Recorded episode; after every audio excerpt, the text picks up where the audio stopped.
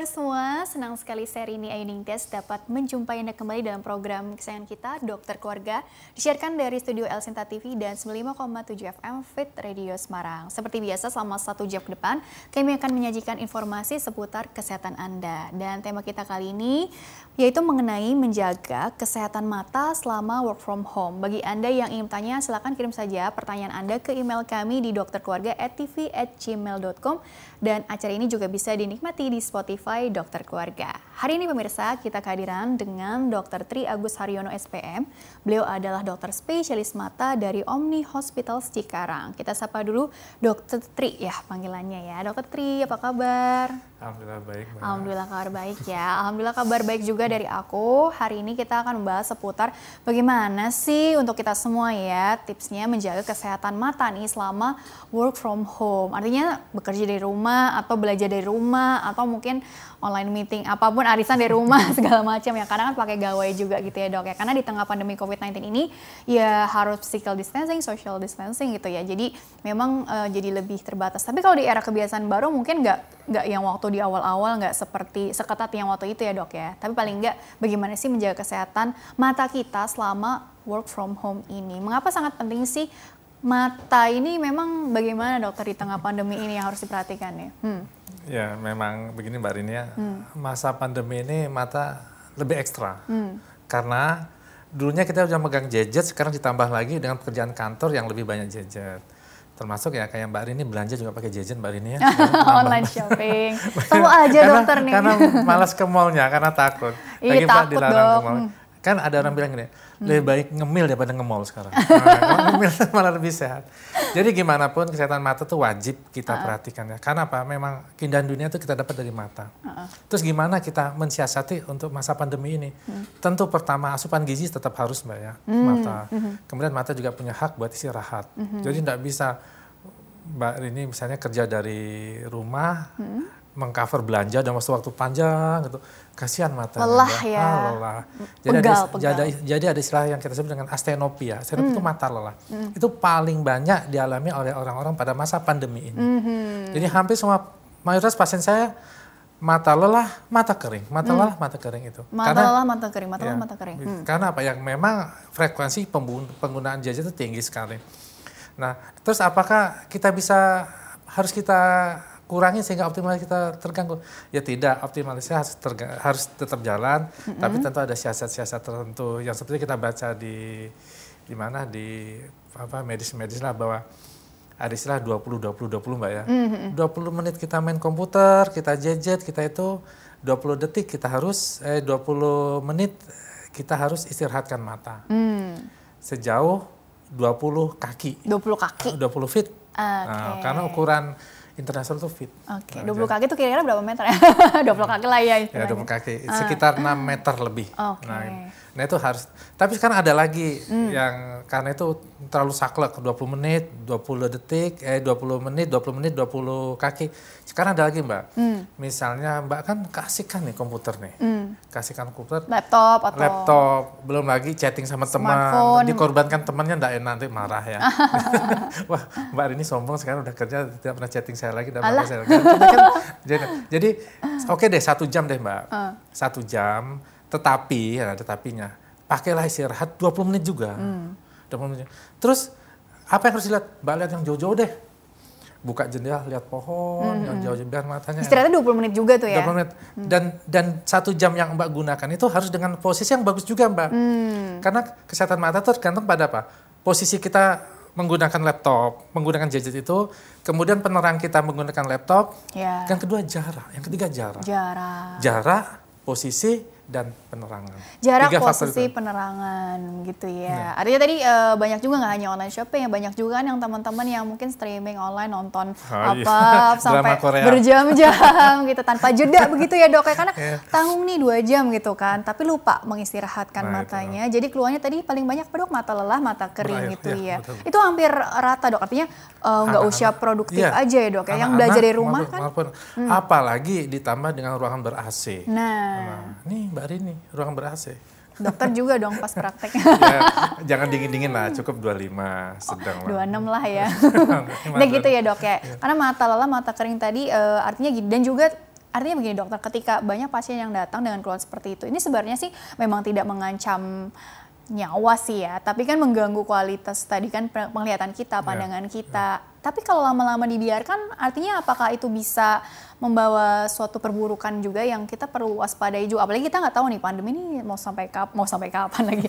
Artinya sampai kapan sih gitu kan kita nggak tahu nih uh, overnya nih kapan itu selesainya Ya, kapan. eh, jadi Mbak, yang namanya kita menjaga mata tuh tidak hanya masa pandemi aja. Hmm, betul. Jadi dalam keadaan dry eye dan asenopia biasa ada pasien itu sudah dalam keadaan tidak enak. Hmm, Dan tidak enak itu biasanya yang kita kasihkan hanya vitamin suplemen mata dan air mata buatan Air itu mata ya. buatan ya, yang artificial. Tapi dalam keadaan lanjut kan sekarang ada yang istilah uh, computerized syndrome itu yang bisa merangsang terjadi miopia Computer pada anak. syndrome. Oh. Yang pada anak-anak itu bisa merangsang terjadinya miopia. Dan uh, mata kering juga bisa berlanjut misalnya menjadi konjungtivitis, Oh, iya, mata iya. merah itu Mata kan merah enak, ya. rasa mengganjel. Nah itu keluhan itu bisa berlanjut tambah parah. Dan selagi bisa ditangani secara dini itu jauh lebih baik. Karena kalau udah timbul pada manifestasi penyakit, nah itu pengobatannya tentu lebih kompleks. Mm-mm, jadi tadi kalau dibiarkan bisa ya lama-lama jadi computer eye syndrome Iya. juga ya. Walaupun mungkin istilah komputer itu kayak komputer aja nih, yang lainnya jadi nggak kebagian. Iya. Tapi pada prinsipnya intinya tadi memperhatikan screen time-nya jangan Iya, lupa. betul, Terus betul. juga yang tadi resiko mata merah meradang begitu ya dok Hmm. ya.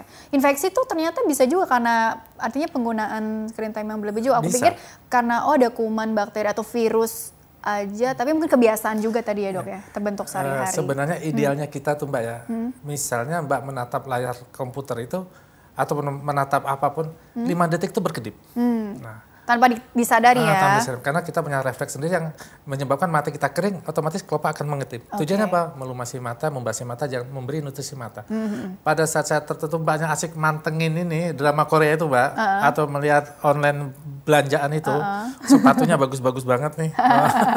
Jadi mbaknya Ini kayaknya kasih pengalaman dokter deh. Beli sepatu-sepatu nih ya kan. sepatu, baju, eh, belum lagi alat masak ini alat masak baru. Akhirnya kasihkan, lima, menit, akhirnya mulai terasa merah berair. Itu sebenarnya mata tuh ya juga mengirim sinyal. Ini mata saya udah capek nih mbak, harus dikedipin dulu. Tapi mbaknya lagi asik. Ataupun sudah screen time-nya udah lewat nih. Oh asik nih, jadi enggak apa-apa lah kan selama enggak apa-apa. Nah itulah bermulai dari situ mata mulai ngambek nanti dia.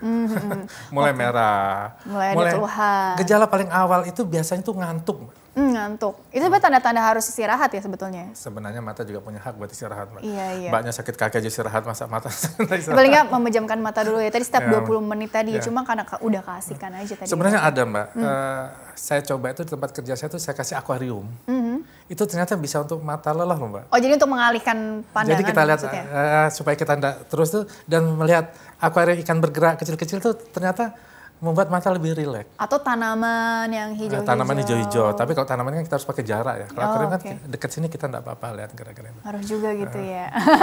Intinya seperti itu ya. Yang membuat matanya jadi agak di, teralihkan untuk istirahat Iya, sejenak ya. tapi Jadi nggak nggak menatap si layar itu. Walaupun mungkin kan sekarang kan udah banyak tuh tren-tren yang kita pakai kacamata anti radiasi lah. Atau mungkin eh, dari laptop sekarang kan juga makin ke sini makin canggih gitu ya dok ya. Iya. yang katanya eh, aman untuk penglihatan. Jadi kan nah itu yang kadang-kadang jadi jadi alasan juga ah aman kok. Tenang aja udah pakai ini udah pakai itu. Laptopnya gadgetnya juga udah bagus kok Iya. kualitasnya. Hmm. Memang saya pernah mengadain eh, seperti mengumpulkan jurnal itu ya. Hmm. Memang untuk apa layar sekarang untuk komputer, TV atau itu jelas radiasinya jauh berkurang. Pak, dibandingkan zaman dulu yang TV tabung. iya Jelas berkurang jauh. Nah itu eh, membantu lah. Tapi juga kacamata yang biasa kita bikin itu juga mengandung yang namanya anti radiasi. Anti radiasi. Dan itu biasa dari optik itu langsung memberikan anti radiasi. Baik radi- radiasi komputer, radiasi HP maupun radiasi sinar UV Ah, yang kita keluar itu. UV ini. Itu sebab sinar UV juga jangan jangan dianggap remeh, Mbak. itu merangsang timbulnya katarak. oh iya Apalagi di jam-jam yang terang, misalnya jam 10 sampai jam 1 itu seharusnya tinggi-tingginya bisa katarak dini gitu ya dari dari jurnal itu mengatakan bahwa itu merangsang timbulnya katarak. oke jadi faktor resiko lah Faktor resiko timbulnya katarak. oke Nah, ya, eh, tapi saya sih yakin kalau Mbak Rini kalau pasti pakai kacamata yang proteknya udah siap. Tapi dok, berarti kalau misalkan eh, katakanlah nih orang ini belum ada kelainan refraksi, tadi dengan keluhan seperti itu bisa tadi kan misalnya untuk anak-anak bisa aja gitu jadi ada kelainan refraksi. Nah kalau yang untuk sudah ada riwayat kelainan refraksi sebelumnya, apakah jadi makin tadi terjadi apa ya istilahnya bukan perburukan ya tapi ya istilahnya nambah lah minusnya gitu kan kita udah kenal dengan istilah itu ya kan, sebenarnya ya. untuk minus itu pada usia selesai pertumbuhan idealnya tidak nambah hmm. tidak nambah jadi misalnya udah pada usia tamat SMA kenapa lasik itu dianjurkan saat tamat SMA karena hmm. dianggap minusnya sudah tidak nambah lagi okay. kan. Hmm. Tapi yang jelas pada usia-usia seperti yang udah produktif, yang kayak banyak karyawan, yang kerjanya selalu tergantung pada gadget, itu jelas menambah beban mata itu bukan menambah minusnya, tapi menambah beban kerja mata yang seharusnya uh, seperti mbaknya sehari-hari ngangkat 5 kilo, ini hmm. karena pandemi ini jadi 10 kilo, itu jelas jelas berefek panjang, hmm. berefek lah paling tidak itu akan menyebabkan asenopia berkepanjangan. Oh. Asenopia itu asal katanya lelah, Mbak. Jadi mata lelah. Mata lelah mata tadi ya. Pokoknya intinya mata lelah dan mata mata, mata kering, kering tadi gitu ya. Paling banyak yang paling dikeluhkan, paling ditemukan hmm. di lapangan gitu ya istilahnya paling seperti banyak. itu ya. Oke, dokter kita jeda dulu ya. Nanti lanjutkan kembali di segmen selanjutnya ya. Baiklah pemirsa, jangan ke mana-mana, tetaplah bersama kami. Kami akan kembali sesaat lagi.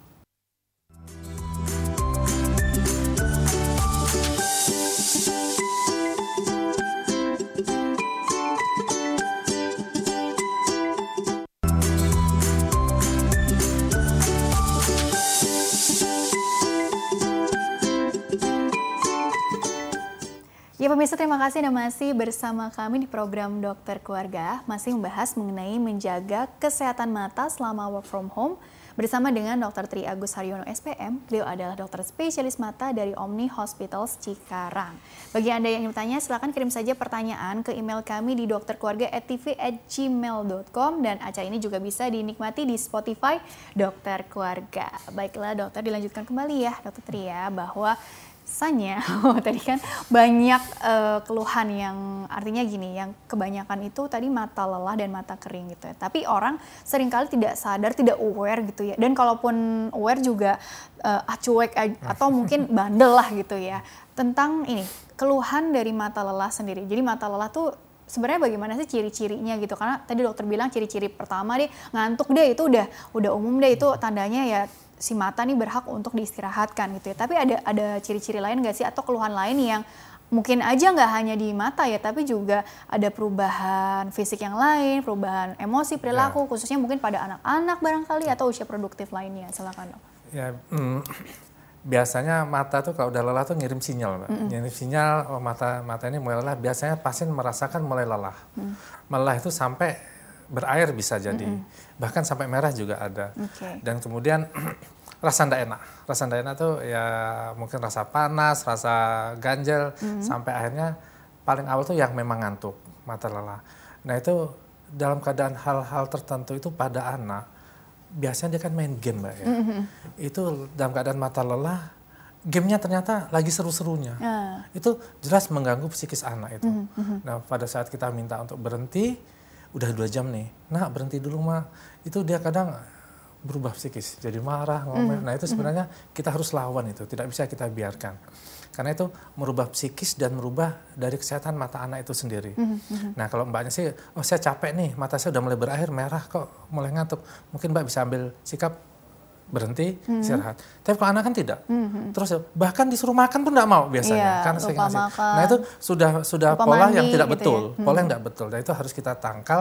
Makanya begitu anak udah nampak merah, kadang anak mulai ngambek itu sudah tidak betul dalam menggunakan gadget. Mm-hmm. Dan mm-hmm. mungkin itu biasa dibahas pada psikologi anak yang masalah gadget ini. Tapi pada anak itu sendiri jelas matanya akan nampak ngantuk. Begitu dia berpindah, hmm. makan dia akan tampak ngantuk. Hmm. Hmm. Karena apa? Energi udah habis pada waktu menggunakan gadget itu. Iya benar-benar. Ada tapi memang spesifik ke pandangan atau ke penglihatan gitu. Tapi apa mungkin jadi oh menjalar juga area, misalnya jadi nyeri ya, kepala juga atau sini ya. nih uh, pegal-pegal hmm. di daerah udah ya, pasti ya, ya bilang, biasanya. Ah, gitu. Sampai kok kayaknya kuduk saya kaku. Mm -hmm. Nah itu kan saking seriusnya itu. Jadi leher ya.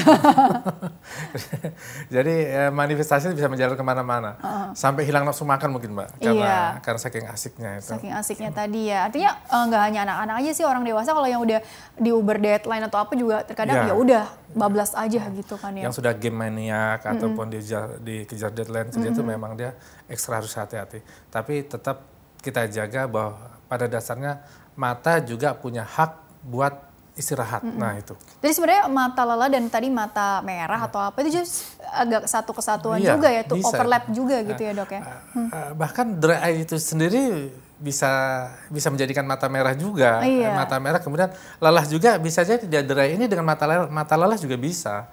Karena dry eye itu kan eh, karena mata sering terbuka sehingga manifestasi air mata banyak keluar sehingga mata cenderung lebih kering. Sebenarnya mata dry eye itu adalah ketidakstabilan dari air mata dalam mm, meng- mengsekresi air mata itu sendiri. Yang memproduksi air Iya, matanya itu Jadi ya. misalnya mbaknya eh, harusnya kita konstan ya 5 detik berkedip, Ah, berkedip, berkedip. Ini ternyata lebih dari 7 detik akhirnya dia kering. Hmm. Pa- Pada suatu waktu air, air- kode muncul. Ini matanya kering nih, harus banyak air mata keluar. Ini banyak keluarkan air mata. Dan suatu saat tidak banyak lagi air mata. Hmm. Oke. Nah, jadi tidak stabil. Nah itu yang menyebabkan tidak enak sekali. Tapi faktor usia pengaruh juga nggak dok Oh, jelas. terhadap produktivitas uh, air mata itu ya. Eh, jadi selain keseharian juga faktor usia.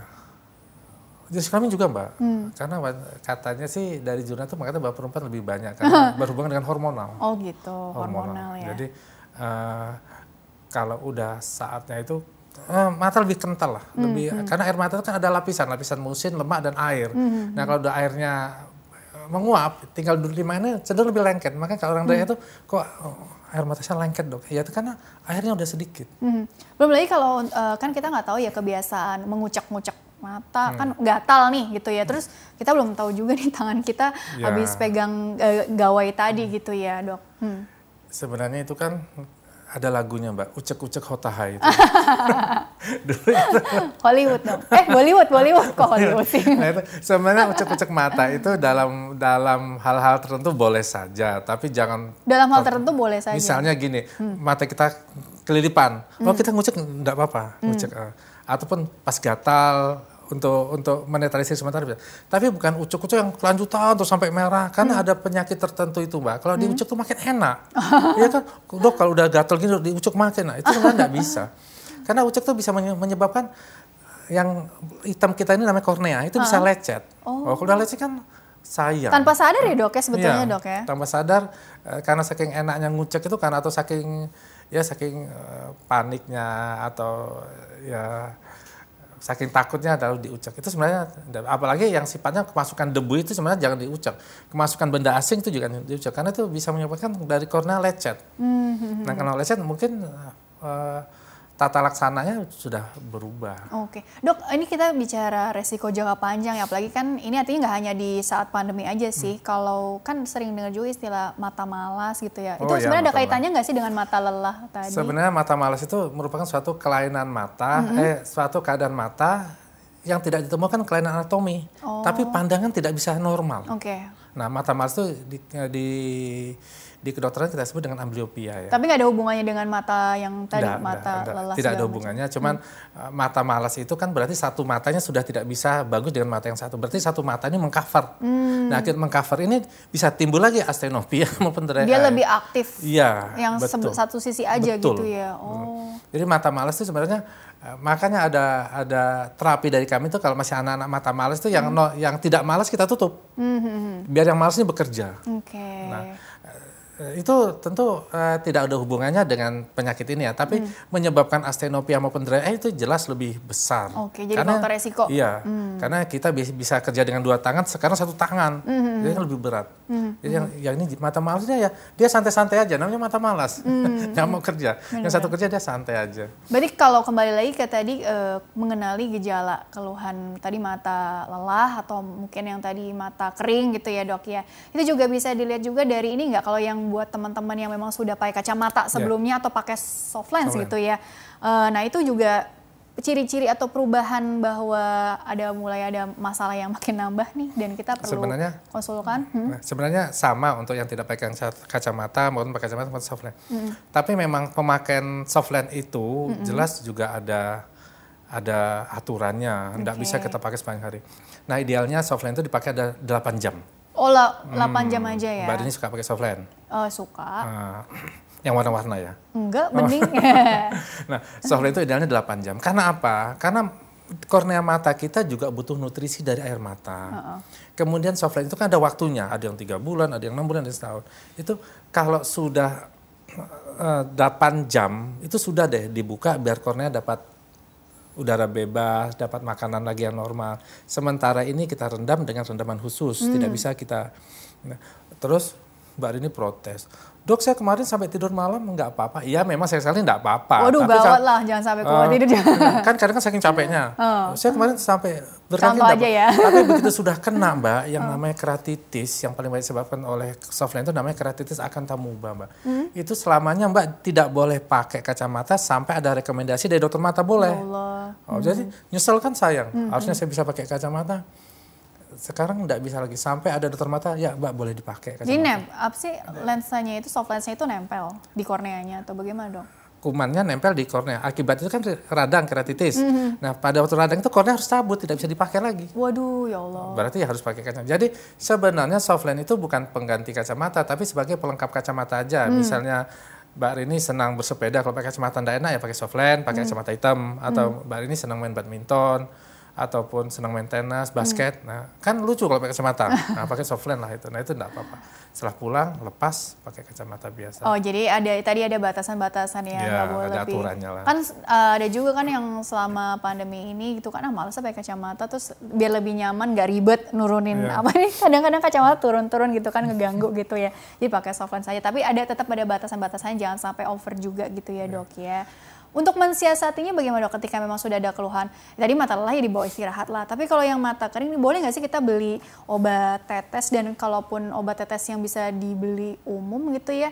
Kan eh, kandungannya apa sih? Apakah mungkin ada kandungan khusus? Hmm? Ya sebenarnya eh, eh, saya mun- mundur lagi sedikit nih. Hmm. Sebenarnya keuntungan kacamata tuh ada mbak. Jadi saya bukan membela orang yang pakai kacamata. Jadi kacamata tuh salah satu keuntungan selain dia punya sifat protektif Uh-uh. terhadap debu angin dan juga membantu penglihatan, juga nilai kosmetik mbak. Oh. Jadi kalau orang pakai kacamata, oh nampak lebih cantik, lebih, lebih modis kan itu Nampak bisa lebih saja. pintar gitu ya. Ah, lebih pintar. Lebih bijak. Nah, kemudian tadi apa yang mbak tanyakan tuh untuk Mensiasatinya. Ah, mensiasati.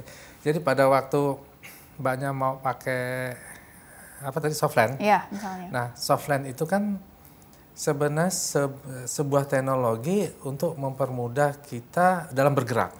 Dalam bergerak. Tapi juga ada keterbatasannya karena dia tidak bisa kita pakai sepanjang masa.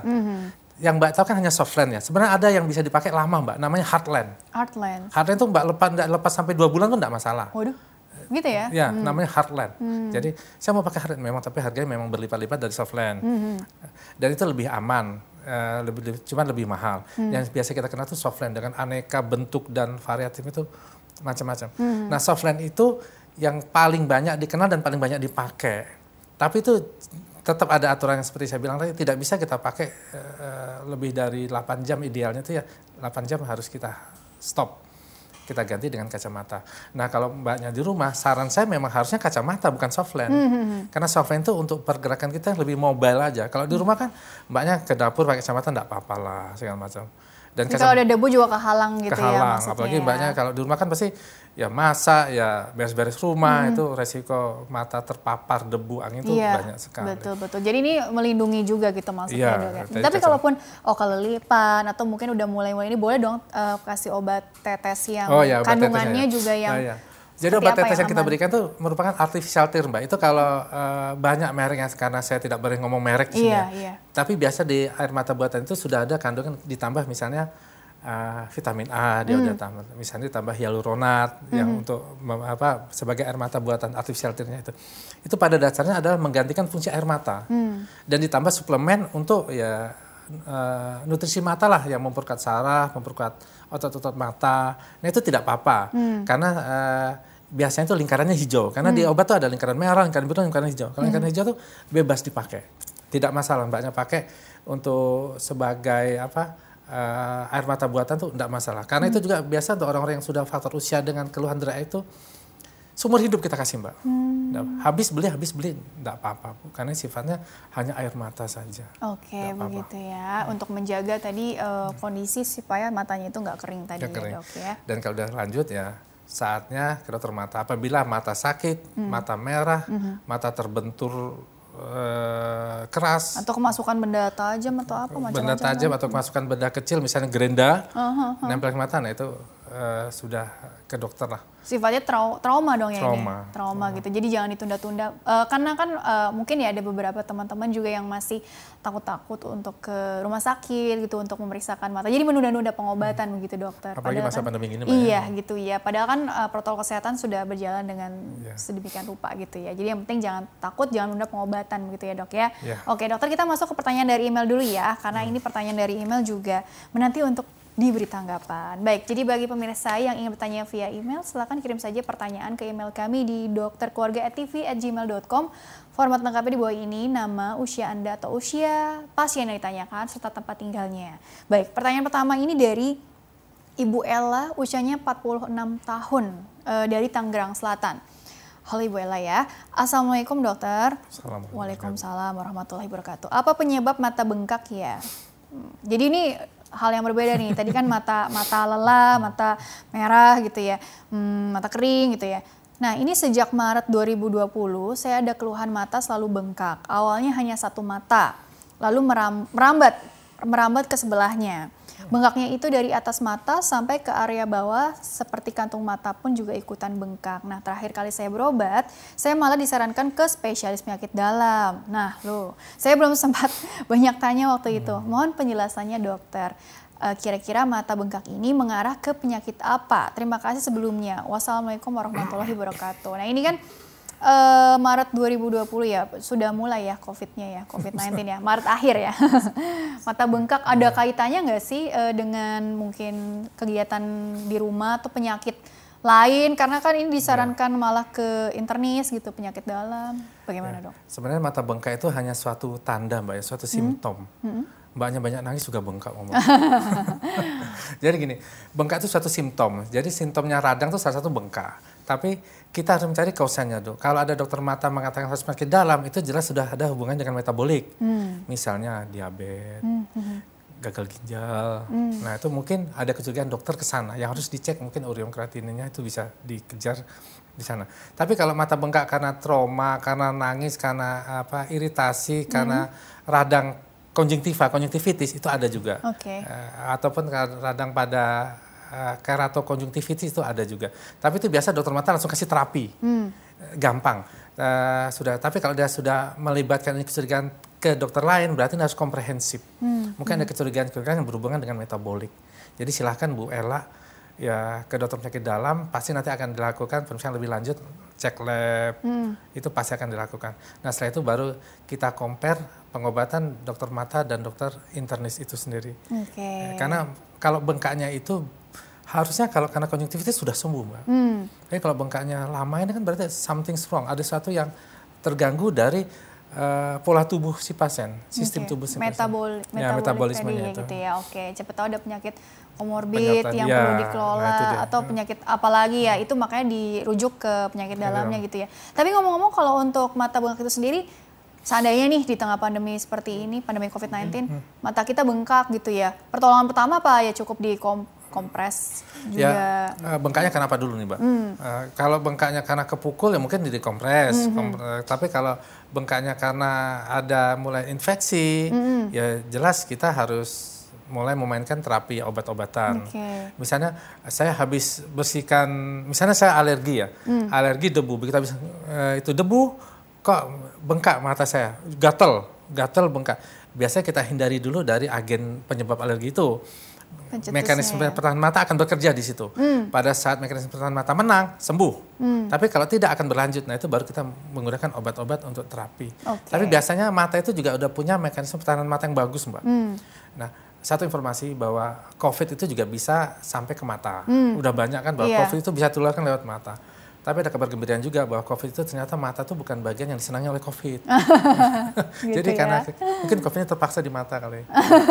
terpaksa jadi, di mata. Jadi tapi ada, memang hmm. itu jurnal itu ada mengatakan bahwa uh, kuman COVID itu sampai ke mata. Nah kalau saya operasi juga saya harus pakai alat pelindung mata. Karena kata, katanya uh, pintu infeksinya nah, gitu. itu ya. karena dari kita punya saluran mbak. Kalau mbak hmm. kaca itu ada sini namanya ductus nasolacrimal ini kecil hmm. nih. Hmm. Nah, itu tempat air mata. Nah, itu berhubungan dengan tenggorokan. Oh. Bahkan kalau mbaknya tetes obat, dok obatnya pahit kan iya. masuk. Kok bisa ya di tetes obatnya tapi obatnya nah, terasa di nah, tenggorokan itu karena kita gitu ya? kecilnya itu. Karena ada oh tadi ya. itu ya, mungkin ya. kumannya menjalar dari situ. Oh gitu ya. Oke, kurang lebih seperti itu anggapannya untuk Ibu Ella ya. Jadi silakan saja uh, ikuti tadi ya saran dari dokter yang sudah memeriksa sebelumnya penyakit dalam karena dicurigai mungkin hasil wawancaranya waktu itu oh kayaknya ada curigaan. Uh, iya perlu ke internis nih gitu ya. Oke, baiklah. Pertanyaan selanjutnya dari Bapak Sukanta. Dear Dokter Keluarga ETV, saya menanyakan keluhan yang saya alami, yaitu saya ada pembengkakan atau seperti benjolan di dalam hidung dan itu sudah lama terjadi. Jika kambuh, sakitnya sampai terasa ke bagian mata, dok, dan badan saya juga ikutan panas dingin saat sedang hmm. kambuh. Tolong dibantu untuk penjelasannya mengenai penyakit yang saya alami ini, terutama dalam mengatasi keluhan di bagian mata saya saat sedang kambuh uh, pembengkakan atau benjolan di dalam hidungnya. Apa? Kongkanya ya? Oke okay, ya. terima kasih. Salam dari bapak Sukanta. Ya, terima kasih hmm. bapak Sukanta.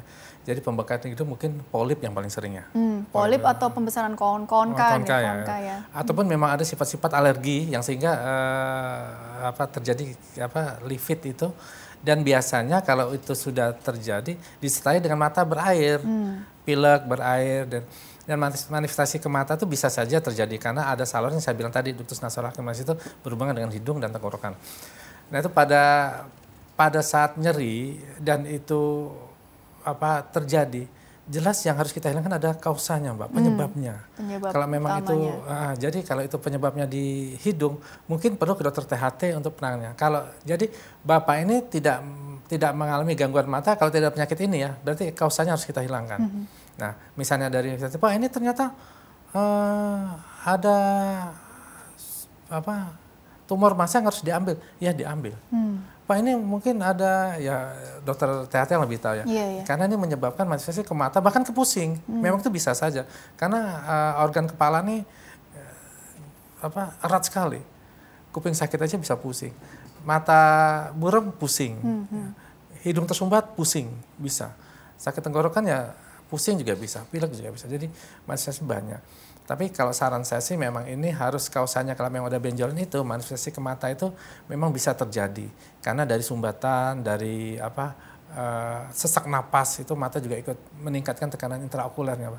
Jadi kalau kita sesak mata itu juga ikut meningkat tekanan intraokulernya itu. Nah itu biasa menyebabkan rasa uh, pusing dan tidak enak. Oke, jadi sarannya mungkin lebih bisa dikonsulkan ke bagian THT-nya, THT, ya. cari tahu uh, bagaimana solusi terbaiknya untuk mengatasi masalah apa benjolan tadi benjolan. ya di dalam hidungnya itu, itu dulu gitu ya. Baru ya. nanti kan keluhan mata juga jadi mereda berkurang dan ya. siapa tahu jadi hilang sama sekali ya setelah diatasi penyebab akar masalahnya inilah istilahnya begitu ya dok ya kurang lebih seperti itu baik tapi untuk sementara dok uh, siapa tahu nih ya ternyata jadwal tindakannya gitu ya masih sebulan ke depan gitu ya. Jadi ini masih terus berjalan nih keluhannya nih untuk mengatasi nggak enaknya mungkin tips-tips aja uh, apakah sama prinsipnya seperti tadi mengistirahatkan mata jangan lupa gitu-gitu. Ya kalau memang menyebabkan tidak enak pusing hmm. ataupun mata berair memang kita hanya menangani simptomatiknya aja. Okay. Keluhannya timbul kita tangani. gejala ya. Hmm. Karena untuk kausanya kita udah tahu. Nah, hmm. Nah, kausa itu kita nunggu tindakan.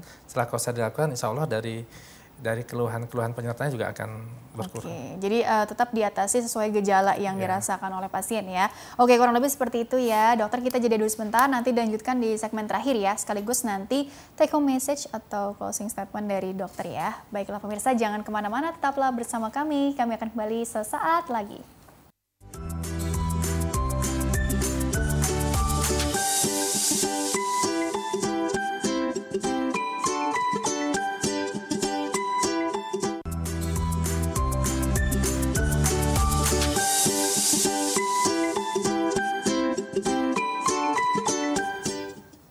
Ya pemirsa terima kasih Anda masih bersama kami program Dokter Keluarga masih bersama dengan Dr. Tri Agus Haryono SPM, dokter spesialis mata dari Omni Hospitals Cikarang masih membahas mengenai menjaga kesehatan mata selama work from home ya. Dokter dilanjutkan kembali sebelum ke closing statementnya aku mau bertanya lebih detail lagi sih seputar ya udah deh karena waktunya juga terbatas mengenai screen time ini ya dok ya karena kan hampir semua orang tuh screen time-nya bisa dibilang berlebih ya kan ada lagunya tuh online online online terus gitu ya ya udah hmm. jadi ya udah kebiasaan lah gitu lah istilahnya udah udah umum banget gitu kan nah itu kira-kira bagaimana dokter untuk penekanannya, untuk tipsnya sekali lagi menjaga kesehatan mata yang memang di tengah-tengah pandemi juga atau di luar pandemi COVID-19 juga ya yang terkait dengan karena tadi online terus bawaannya screen time-nya udah memang berlebih gitu ya. Uh, hmm. Sebenarnya kita harus uh, mata kan tadi yang saya bilang itu mbak ya mengirim sinyal ya. Itu hmm. harus kita peka terhadap sinyal itu.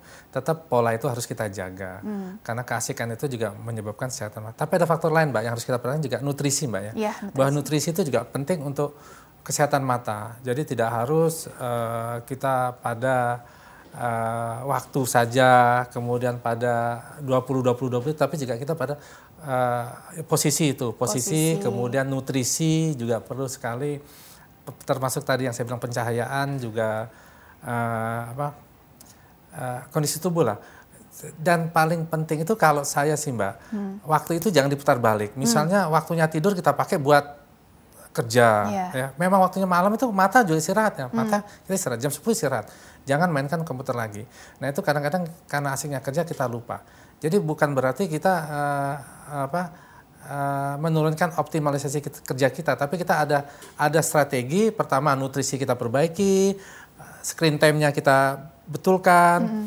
posisinya kita cukupkan, kita bikin enak ergonomisnya juga pencahayaannya, Pencahayaan. juga mungkin ruangan ber AC juga pengaruh. Mm. Kemudian uh, minum jelas mbak ya, karena yeah. kita uh, harus itu dan minum tuh Mungkin kalau Mbak Rini sih pasti pesannya jus. Nah, ya memang tidak salah itu bagus Mbak. Hmm. Apalagi kalau jus kan sekarang tidak hanya satu macam. Mbaknya pesan jus wortel campur siksak, eh, sirsak. Kan? kan?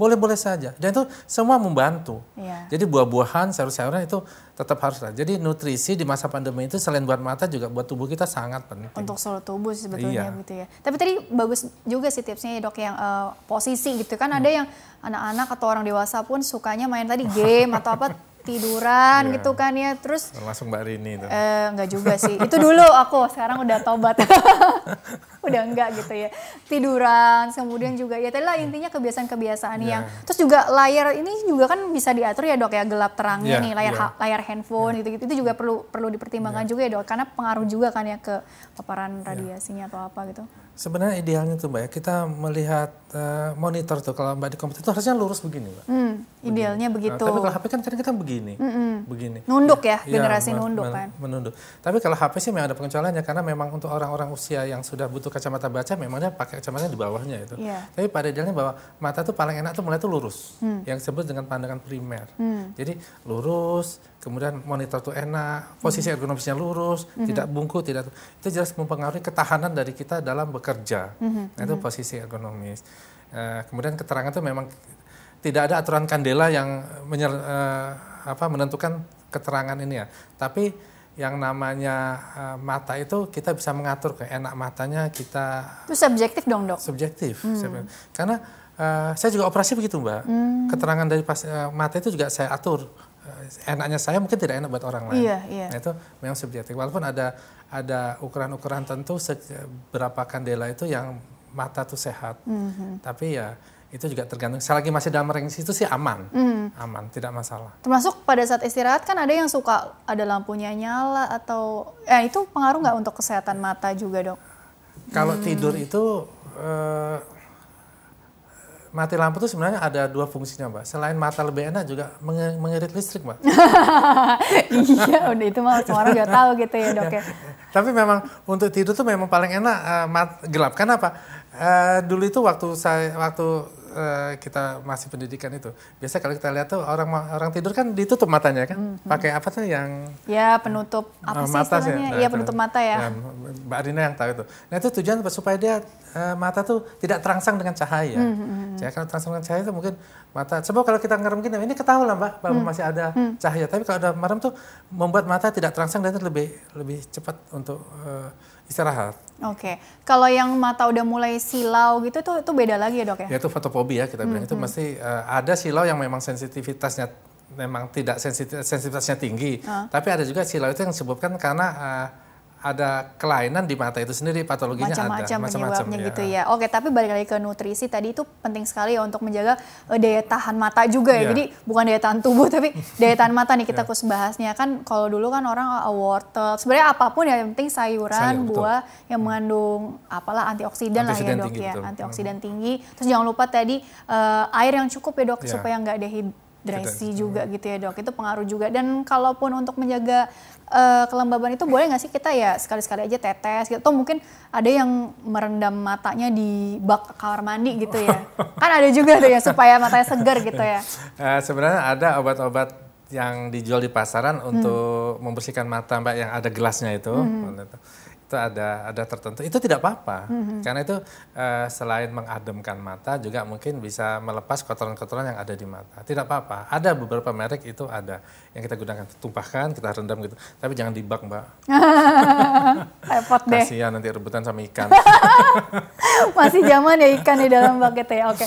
Tapi kurang lebih seperti itu ya dok yeah. ya dokter karena waktunya juga kan terbatas begitu ya. Jadi sebenarnya kesimpulannya sih dok itu kan yang bisa dokter sampaikan mengenai tema hari ini khususnya mungkin bagi teman-teman yang masih bekerja di rumah atau mungkin teman-teman yang masih belajar atau kuliah online yeah. juga gitu yang tiap hari mau tidak mau harus ya pakai gawai tadi ya dok ya jadi yeah. sebenarnya apa yang mungkin bisa lebih ditekankan supaya kita bisa menjaga masa depan mata kita masa depan yeah. pandangan kita begitu dokter yeah, ya, uh pertama adalah mata itu jendela dunia ya. Yeah. Kita bisa melihat melihat keindahan dunia, menyerap ilmu, hmm. kemudian uh, bersosialisasi secara baik itu dari mata intinya. Hmm. Karena itu sayangilah mata kita. Hmm.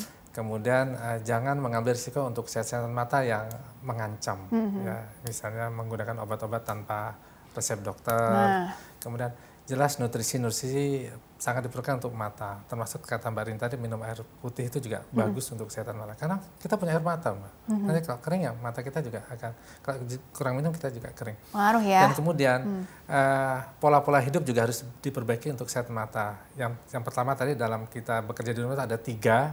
Pertama jaga jarak. Hmm. Kemudian uh, jarak untuk kita terhadap gadget itu, kemudian penerangan dan posisi. Ditambah hmm. satu lagi adalah screen time-nya itu. Hmm. Tidak bisa kita lalu bablas karena jarak itu terus-terusan. Intinya sayangin mata kita karena mata kita juga punya hak untuk istirahat. Wow, luar biasa penutupnya bagus sekali. Terima kasih dokter telah berbagi ilmunya. Sama insya Allah membawa banyak manfaat untuk orang Amin. banyak, sukses dan berkah selalu untuk dokter dan ilmu dokter ya. Terima kasih. Iya, baiklah pemirsa, terima kasih juga Anda telah mengikuti program ini. Saya Rini Ayuning Tias beserta yang tugas mohon undur diri dari hadapan Anda. Sekian dan sampai jumpa.